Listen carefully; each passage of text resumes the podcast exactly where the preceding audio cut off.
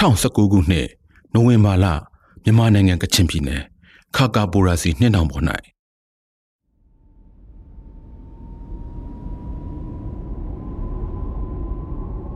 ပင်လယ်ရေမျက်နှာပြင်အထက်အမြင့်ပေ3600မီတာကရေခဲတောင်ဆောင်တွင်တမီတာနီးပါးအကျယ်ရှိသောရေခဲပြင်ပေါ်ကအကြောင်းကြီးတစ်ခုကွေ့ကောက်ပြီးတော့မှအကွဲနေပါတယ်အကြောင်းကြီးကနှင်းမုံအောင်မှာတရဝါဆိုးကြီးတစ်ကောင်ပုံနေပြီးတော့ လှဟပ်နေတာနဲ့တူနေပါတယ်ရှားချိုရဲ့ခြေထောက်တစ်ဖက်ဟာလေထဲမှာတွဲလောင်းကျနေပြီးတော့လက်နှစ်ဖက်ကရေခဲပြင်ကိုမိမိရရဖမ်းကုတ်ထားပါတယ်ခနာကိုတဝက်လောက်ကအကြောင်းကြီးတဲ့ကိုပြုတ်ကျနေပါပြီအတင်းနာကျွန်တော်လက်ကိုဆွဲလိုက်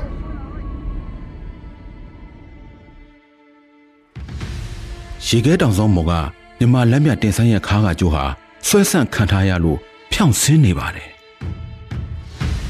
သူကပါဇက်ကလည်းអော်ရင်လက်ကလည်းရှားချိုစီကိုကမ်းပေးနေပါတယ်ဒါပေမဲ့သူတို့နှစ်ယောက်အကြားမှာတမိတာအကျော်အလှမ်းကွာနေပါတယ်ကြောက်တဲ့ပြုတ်ကြလူနေပါဖြစ်နေတဲ့ကောင်လေးရဲ့ကျိုးစီရဲ့အစွန်းတစ်ဖက်မှာတရုတ်မင်းကလေးတဦးလည်းရှိနေတာကြောင့်တင်ဆန်းမှာဒီနေရာကနေရွှေ့ချင်တိုင်းရွှေ့လို့မရဖြစ်နေပါတယ်စေတနာကောင်းတဲ့တောင်တက်အဖွဲ့တစ်ခုခုကပြီးခဲ့တဲ့တောင်တက်ရာသီမှာချမ်းရက်ခဲ့တဲ့ကျိုးဟာလည်း တောင်တက်ခီးသွားတွေရဲ့စက်ကရိယာတွေကြောင့်ပုံပဲ့ပြီးတော့ဒဏ်ရာအထက်ထက်ဖြစ်နေပါတယ်တကယ်လို့သာဂီယိုတဆိုင်မလုံနိုင်ရင်ကျိုးထိပ်ဖျားမှရှိနေတဲ့မင်းကလေးဟာသူတို့နှစ်ယောက်ကြောင့်ဘလောက်နှမှန်းမသိတဲ့ရေခဲအကြောင်းကြားတဲ့ကိုအတူတူပြုတ်ကျသွားနိုင်ပါတယ်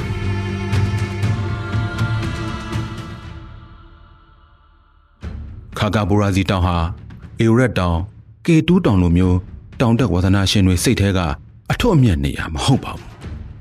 နှစ်စဉ်ဒီတောင်ပေါ်ကိုလာရောက်တက်ကြတာဟာကမ္ဘာနာမည်ကျော်တောင်တွေအားလုံးရောက်ဖူးပြီးစူးစမ်းလေ့လာလိုတဲ့စိတ်နဲ့လာရောက်တက်ကြတဲ့တပားရင်အနှဲငယ်ကလွှဲရင်အများစုကတရုတ်နိုင်ငံကလာတဲ့ဒီចောင်းသားနှစ်ယောက်လိုတောင်တက်အားကစားကိုနားမလဲသူတွေကပိုများပါတယ်ဘလို့ပဲပြောပြောနိုင်ငံတစ်ခုအတွင်းမှာတရက်ထဲနဲ့ပူအိုက်တဲ့ပင်လယ်ကမ်းခြေကနေနှင်းတွေဖုံးလွှမ်းနေတဲ့ကုန်းမြင့်နှင်းတောင်ပေါ်တွားလို့ရတဲ့ကိစ္စဟာတာမန်ခီးသွားတွေအတွက်တော့ဘယ်နိုင်ငံမှာမှ လုပ်လို့မရတဲ့အရာပဲဖြစ်ပါတယ်။အဲ့ဒီထူးထူးဆန်းဆန်းနာမည်နဲ့တရုတ်ကောင်လေးကတောင်တက်အတွေ့အကြုံကလက်တစ်ပဲရှိပါသေးတယ်။မြန်မာစကားကောင်းကောင်းပြောတတ်တဲ့မင်းကလေးကတော့တောင်တက်ခြင်းကိုလုံးဝနားလေသူမဟုတ်ပါဘူး။တောင်ပေါ်မတက်ခင်မှာတင်ဆန်းကတစ်ချိန်လုံးရေမောစားနောက်နေကြတဲ့ဒီဧည့်သည်နှစ်ယောက်ကိုတောင်တက်လမ်းကြောင်းနဲ့တတိထားကြိုးဆက်မဲ့ကိစ္စများကိုရှင်းပြခဲ့ပါသေးတယ်။စီနေနှန်းကိုကြော်လာတော့တင်ဆန်းကဧည့်သည်နှစ်ယောက်အတွက်ပရိစစ်ထုံကြိုထုံးပေးခဲ့ပြီး ဒီရေခဲတောင်တောင်ဆောင်ပေါ်တွတ်တက်လာခဲ့ပါတယ်။အစကတော့တရုတ်မင်းကလေးကိုဒီရေခဲအကြောင်းကိုကြော်နိုင်အောင်ခေါ်ပေးပြီးရင်အနေရကင်းပြီလို့ထင်ထားခဲ့ပေမဲ့နောက်မှရက်နေတဲ့ကောင်လေးကဘလို့ဖြစ်မှန်းမသိဘဲနဲ့ရှော့ကျသွားပါတော့တယ်။ဒါကိုပြန်တွေးမိပြီးရှေ့တိုးရခက်နောက်ဆုတ်ရခက်နေတဲ့တင်ဆက်မှာအတော်လေးနောင်တရနေမိပါတယ်။ရှားချိုကရေခဲပင်ကိုတေချာဖမ်းကုန်ထားပြီးတော့အသက်ပြင်းပြင်းရှူလိုက်ကညာလက်အိတ်ကိုတွားဖြင့်ကိုက်ပြီး ဖြည်းဖြည်းချင်းချွတ်လိုက်ပါတယ်။တောင်တက်ဝတ်စုံအက်ကထဲကနေဆွစ်စစ်တက်ဓာတ်တစ်ချောင်းကိုဆွဲထုတ်လိုက်ပါတယ်။အဝါရောင်တောက်တော့သုံးမွေးလက်အိတ်ဟာနှက်ဆိုင်တဲ့ရေခဲကြောက်ထဲကိုအတန်တတန်းမှမထွက်ပဲပြုတ်ကျသွားပါတော့တယ်။ခမရယူနေလား။ဘာလို့မလို့လဲ။တင်ဆန်းဟာနောက်လက်ကြည့်ရင်းနဲ့អော်လိုက်ပါတယ်။အာအာ ကျွန်တော်ကြောင့်ဖြစ်ရတာပါဗျာခဲလုံးထပ်ပုံရိုက်ဖို့အတွက်ရှေ့ကိုမသွားခိုင်းခဲ့သင့်ဘူးကျွန်တော်ကြောင့်ခမားတို့ပါဒုက္ခရောက်လို့မဖြစ်ဘူးဟာအယူမတဆမ်းပါနဲ့ဗျာဒီကိစ္စခမားတို့အမားကြီးပဲမဟုတ်ပါဘူးကျွန်တော်ကလမ်းပြလုပ်ပြီးမဖြစ်နိုင်တဲ့ခမားတို့တောင်းဆိုချက်ကိုသဘောမတူခဲ့သင့်တာဗျဘာပဲဖြစ်ဖြစ်ဗျာဒါကျွန်တော်အမားပဲကျွန်တော်တယောက်တည်းပြုတ်ကျသွားတာ၃ယောက်လုံးပြုတ်ကျသွားတာတဲ့ဆိုင်ပိုကောင်းပါတယ်ဗျခင်ဗျားနဲ့ခဲတော့ဘေးကင်းသွားတော့မှလူခေါ်ပြီးကျွန်တော်ကိုလာခဲ့ကြပါဗျာ ရှားချိုကပြောရင်းဆိုရင်းနဲ့ပဲကျိုးကိုဓာတ်နဲ့ဖြတ်ဖို့လုံနေပါတယ်ရှားချိုနင်နင်ဘာမှရှောင်းမလုံးနဲ့နော်20ဒီဂရီလောက်တင်းဆောင်းနေတဲ့ရေခဲတောင်ဆောင်ပေါ်က10မီတာကျော်အကွာဝေးကနေရာမှာမင်းကလေးတယောက်ဟာရေခဲပြင်ပေါ်မှာဝင်နေရင်ဒီကြောက်မဖွယ်ရအဖြစ်ပြက်ကိုထိတ်လန့်တုန်လို့စွာနဲ့နောက်လှည့်ကြည့်နေပါတယ်သူတို့သုံးယောက်ကြားကကျိုးဟာတဖြောင်နဲ့ဖြစ်နေပြီးတော့ခဲလော့ဟာတင်ဆန်းရဲ့ညွှန်ကြားချက်အရာ ရေခဲပြင်ပေါ်မှာတကိုယ်လုံးဝမ်းလျားမှောက်ပြီးတော့ဝင့်နေပါတယ်။တမတော်လို့ရှော့ချသွားခဲ့ရင်တော့ပုတ်တိုင်အားနဲ့ရှော့ချတဲ့အချိန်ကိုရှော့ချလို့ရပါသေးတယ်ခဲတော့တကယ်လို့ငါတို့လုံးဝပြတ်မတွေ့နိုင်တော့ရင်ငါကိုစားလေခြုံလီရရွှေယူကြီးကွင်းကစောင်းရသည်အိုလံပစ်ပွဲတော်ကိုတွားကြည့်ပေးဖို့မမင်းနဲ့နော်ငါမသွားပေးနိုင်ဘူးသွားချင်နေဟာနဲ့သွားခဲလောကငိုးတန်းဖြင့်အော်ပြောလိုက်ပါတယ်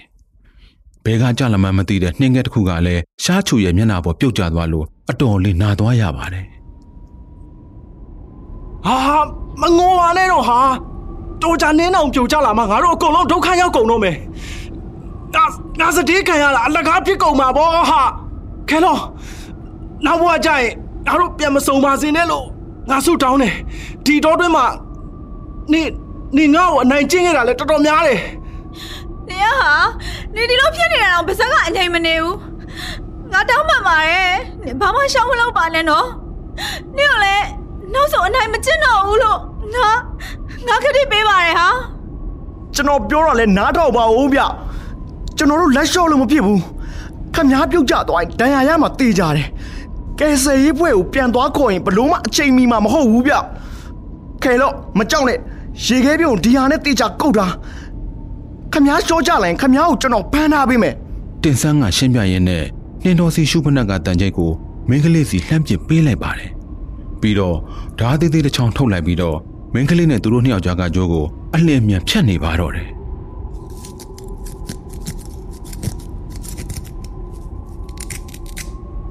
ရှားချိုကလည်းအချိန်တိတ်မကြံတော့တာကိုသိလို့အန်ကျိတ်ပြီးတော့လက်ထဲကအလုပ်ကိုအရှင်တင်လိုက်ပါတော့တယ်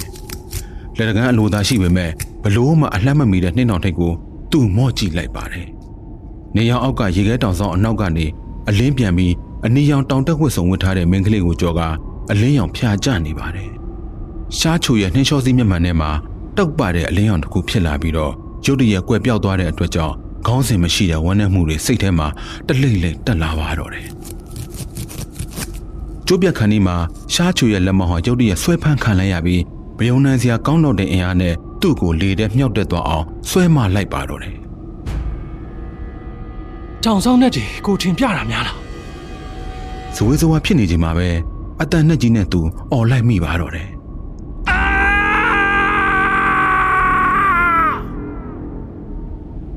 ရှားချူရဲ့မျောလင်းချက်မဲ့သောအော်တန်ကနားထဲမှာထင်းထင်းကြီးကြားနေရပါတယ်။ရေခဲတောင်ဆောင်ပေါ်မှာဝင်နေတဲ့ခဲလော့မှာတော့အသေးခိုင်အောင်နာကျင်မှုဝေဒနာကိုခံစားလိုက်ရပါတော့တယ်။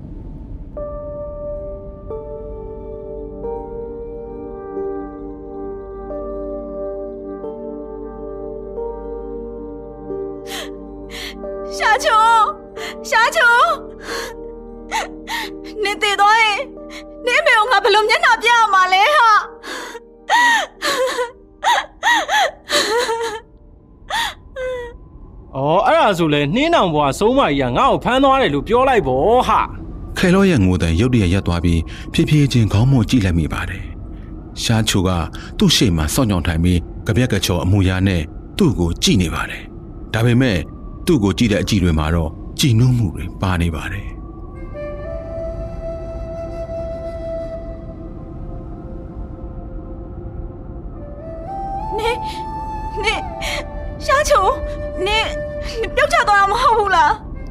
လဲ။နေကငါ့ကိုမြန်မြန်ပြုတ်ကျသွားစေခြင်းနေရမလား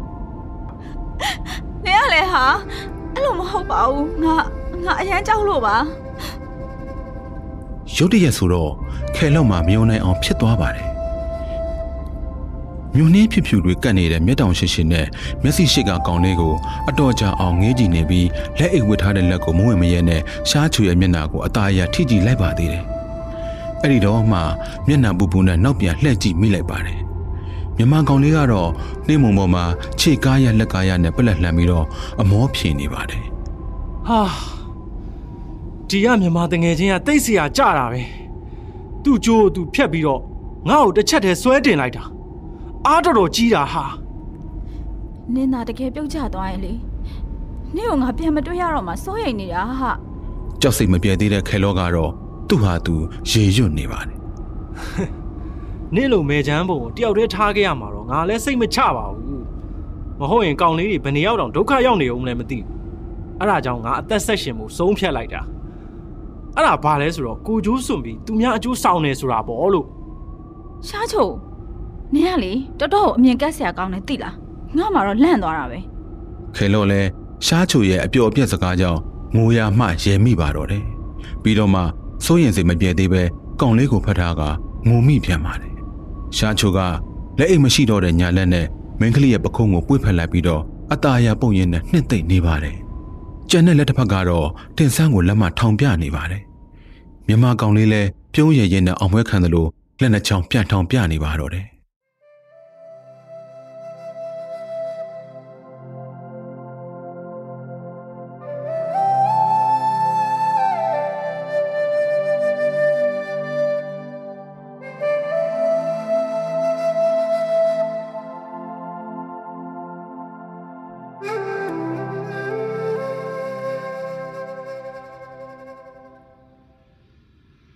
လွန်ခဲ့သောတရက်ခန့်မြန်မာနိုင်ငံကချင်ပြည်နယ်ပူတာအိုလေစိတ်။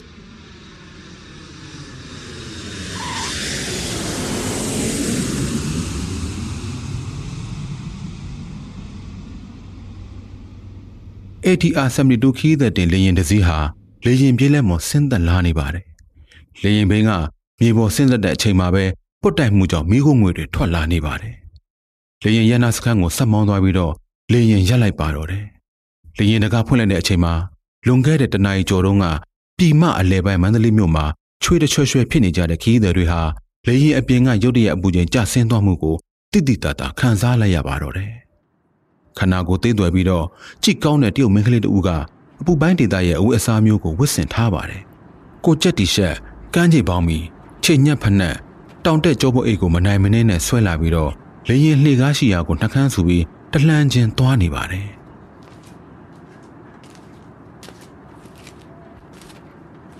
သူ့နောက်မှာရှိနေတဲ့ရုပ်ချောချောနဲ့ပခုံးအထိရှိတဲ့သပင်ရှိတဲ့မြမကောင်လေးကမင်းကလေးရဲ့ကြောပွက်အိတ်ကိုဆွဲမာပြီးတော့မှပိုက်ထားလိုက်ကလှေကားပေါ်ကနေခတ်တုတ်တုတ်ဆင်းသွားလိုက်ပါတယ်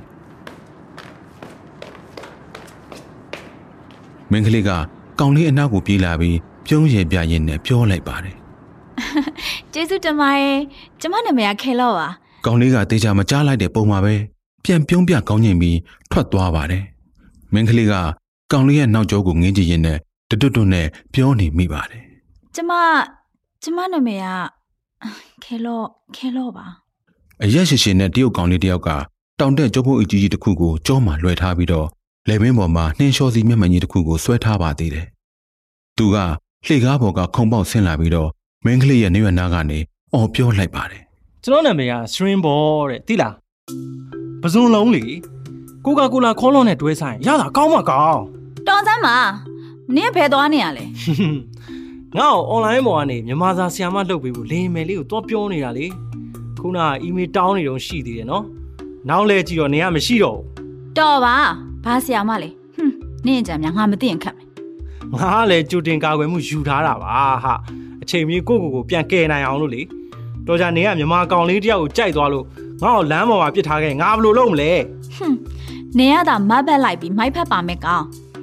ငါကြည့်ရတော့နင်ကကောင်မလေးချောလို့အတင်းလိုက်ကက်ချင်နေတာပါဟာ။အော်အဲ့ဒါနဲ့ပဲစိတ်ဆိုးပြီးတော့ကိုယ့်ဟာကိုယ်ထုတ်ပိုးတဲစရာမလိုပါဘူးဟာ။ပေးပေးပေးနင်းထုတ်တယ်ငါ့ကိုပေး။ဟာကြည့်ပါအောင်လက်ကိုပြစမ်းပါအောင်။ဟာလက်တွေတော့หนีကုန်ပြီသွားစမ်းပါနင်လက်ညစ်ပတ်ကြီးနဲ့ငါ့ကိုလာမထိနဲ့။ခဲလောကရှားချူရဲ့လက်ကိုဖက်ခနဲ့ပုတ်ထုတ်လိုက်ပါတယ်နင်ကလေငယ်ငယ်လေးတွေကအကြံစိုးညံစိုးတော်တော်များတဲ့ကောင် စကားကိုလည်းတကားရီလောင်းပြောပြီးတော့စိတ်ပုတ်တယ်လို့ဟွန်း။မင်းကလေးကစကားပြောရင်းနဲ့မြန်မာကောင်လေးထွက်သွားတဲ့ဘက်ကိုငေးကြည့်လိုက်ပါတယ်။ရှားချူကလည်းမင်းကလေးရဲ့အတွေးကိုရိပ်မိသွားပြီးခဲလောရှိကနေတမင်ပိတ်ရက်လိုက်ပါတယ်ဟဲ့တော်တော်တော်ငါရှိရလာပြီးပိတ်ရက်မနေနဲ့။အော်ကြည့်မနေနဲ့တော့ဟိုကကားပေါ်တောင်ရောက်နေလောက်ပြီ။အဲ့လောက်မှဖြစ်နေနင်လိုက်သွားပါလား။ငါနင့်အိတ်တွေကြည့်ထားပြီမယ်။နင်ပြေးလိုက်ကြည့်လေ။ ဟိုကဘိန်းလေးဘိန်းကပဲပြေးနိုင်မလားနင်ကပဲခြေတွက်မလားဆိုတော့ကြည့်ရတာပေါ့ပျော်ပျော်နင်ကလည်းကြိုက်တယ်လို့သာပြော။ဒီလိုပြောနေတော့မှပဲလင်းရင်မဲ့တူကဂဒအိတ်သေးသေးလေးတစ်လုံးကိုပိုက်ပြီးလင်းရင်မော်ကနေဆင်းလာကသူတို့နှစ်ယောက်ရှေ့ကိုရောက်လာပါတော့တယ်အမလီတော်ပါသေးရဲ့ငါအသေးလေးကိုလေပေါ်မှာမေ့ကြံခဲ့တော့မလို့ကျေးဇူးတင်ပါတယ်ဗျာ။ရှားချိုကဂဒအိတ်ကိုရင်ဘတ်ထဲမှာပိုက်ပြီးတပြွတ်ပြွတ်နန်းကတင်ထားတာမကြသေးတဲ့မြန်မာစကားနဲ့ကျေးဇူးတင်စကားပြောလိုက်လို့ မြန်မာလင်းရင်မဲ့လေးမှာတခက်ခက်နဲ့ရဲမိပါတော့တယ်ခဲလောကတော့အမြင်ကတ်စွာနဲ့ပဲမဲ့ရွက်ကြည့်လိုက်ပြီးတော့အခုလိုပြောလိုက်ပါတယ်ဂီတာတဲ့ပြီးတောင်တက်တဲ့လူမျိုးတစ်ခါမှမတွေ့ဘူးငါကြည့်ရတာတော့လေနင်ကတောင်တက်ဖို့မဟုတ်ဘူးသိလားနင်ကဖွန်ကြောင်ဖို့လာတာရှားချိုကမကြားကျင်အောင်ဆောင်ပြီးအခုမှစတည်တဲ့မြန်မာလေးမယ်လေးကိုအင်္ဂလိပ်စကားနဲ့ပြောနေပါတယ်ချူချူကျွန်တော်ကိုအီးမေးလ်ပို့ဖို့မမေ့နဲ့နော် ကျွန်တော်ရဲ့အီးမေးလ်လိပ်စာက shrimball@gmail.com နဲ့ဗျလေးရင်မယ်လေးကတရုတ်လူငယ်လေးနှစ်ယောက်ကိုပြုံးပြပြီးတော့လက်ပြနှုတ်ဆက်ကတိမ်တိမ်မွမွနဲ့လေးရင်မော်ကိုပြန်တက်သွားပါတယ်ခဲလောကလည်းလေးရင်မယ်လေးကိုရင်ရင်ကြည်ကြည်နဲ့ပြုံးပြနှုတ်ဆက်လိုက်ပြီးတာနဲ့ရှားချိုဘက်ကိုစိတ်ဆိုးမှန်ဆိုးအမူအရာနဲ့လှည့်ကြည့်လိုက်ပါတော့တယ်ချွတ်ချွတ်ဟုတ်လားနင်ကနာမည်တော်မေးပြီးပြီပေါ့လေဘာလဲအကြံကြီးကြံတော့မယ်ပေါ့ဟာသူ့ဟာသူပြောပြတာပါချူချူဆိုတာ little street ရဲ့အဓိပ္ပာယ်နဲ့တူတယ်လို့တော့ပြောပြသေးတယ်ငါရုပ်ချောတော့လေချူချူကကြိုက်ရှာမှာပေါ့ကွာအဲ့ဒါကိုတော့မကြိုက်တဲ့သူကရှိသေး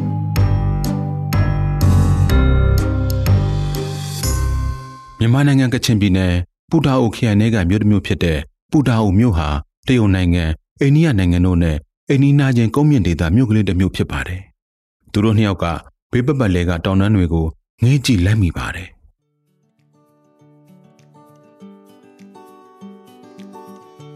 မွန်းတဲ့ချိန်ရဲ့နေအောင်ကကြက်ပြက်နဲ့လေရင်ခွင်းထဲမှာဖြာကျနေပြီးလင်းချင်းတစ်ချက်တိုက်ခိုက်လိုက်တာကြောင့်ခဲလော့မှာချမ်းစိတ်သွားပါတော့တယ်။ရှားချိုကကျောဘိုးအိတ်ထဲကခေါင်းစော်အနွေးနဲ့တစ်ထည်ထုတ်ပြီးသူ့ကိုဝတ်ပေးလိုက်ပါတယ်။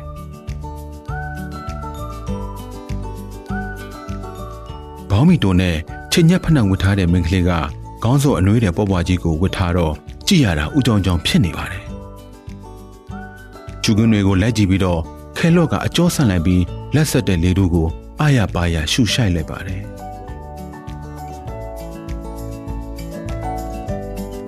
ရှားချိုဒီကိုခဏလာပါအောင်တောင်တန်းတွေကိုတပ်ပုံရိုက်နေတဲ့ကောင်လေးကိုလှမ်းခေါ်လိုက်ပြီးကျမ်းမြေပေါ်မှာပြစ်ချထားတဲ့ကြောပုတ်အိတ်ကိုနှကန်းဆူကြီးမင်းငေါ်ပြလိုက်ပါတယ်ဟာခဲလို့နင်းကလေအပြစ်ပြောစရာကြီးတော်တော်များတာပဲအထူးသဖြင့်ဒီတစ်ချက်ကတော်တော်မကောင်းတာရှေးအိုးဆွဲယူဆကြီးအုံနောက်ထဲမှာကြံပြီးတော့ အမျက်ထုတ်တတ်တဲ့အကျင့်ကမွေးရပါနော်နင်ကတကယ်ကိုယောက်ျားလေးတွေကမိန်းကလေးခိုင်းသမျှလောက်ရမယ်လို့ကန်တရားအသက်မှတ်ထားလို့လားဟာလားနင့်မလေးအမျိုးသမီးတွေရဲ့ကိုအားကိုကိုးကျင်တဲ့စိတ်ကလေးနည်းနည်းလေးမှတော့မရှိဘူးလားအကုန်လုံးကိုလာနဲ့ရောတောက်ပစ်လိုက်ပြီဟာလားရှားချိုကပါဇက်ကတွတ်တွတ်ရွတ်ပြီးခဲလော့ရဲ့ကြောပုတ်အိတ်ကိုရှေ့မှာပိုက်ပြီးတော့အထုပ်အပိုးတွေတဲကခြေလွတ်လက်လွတ်သွားနေတဲ့ခဲလော့နောက်ကနေလိုက်လာခဲ့ပါတယ်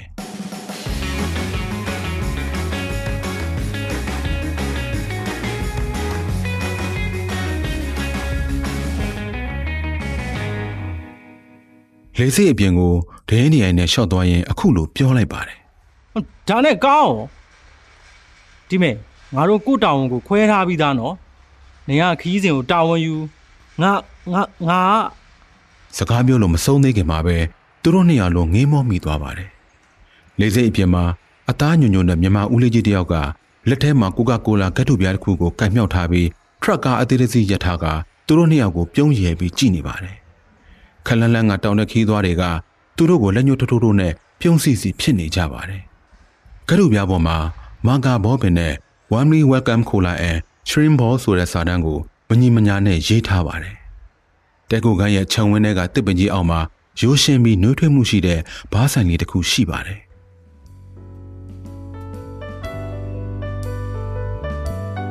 ညအမောင်ကြောက်ရောက်လာပြီးခါကာဘူရာစီတောင်ကြီးဟာညနေဆောင်မောင်းရင်ထဲမှာ ရေးရေးလေးသာမြင်ရပါတော့တယ်။အပူချိန်နဲ့အတော်လေးကျဆင်းလာပြန်ပါတယ်။တဲကိုကန်းပိုင်ရှင်ကခြံဝင်းထဲမှာမိဘုံတစ်ခုလှုပ်ထားပါတယ်။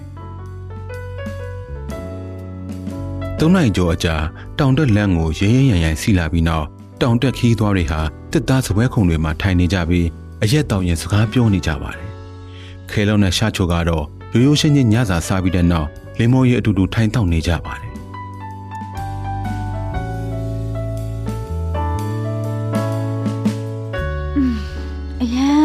ဆန်တာပဲဒီနေရာလေးကမှ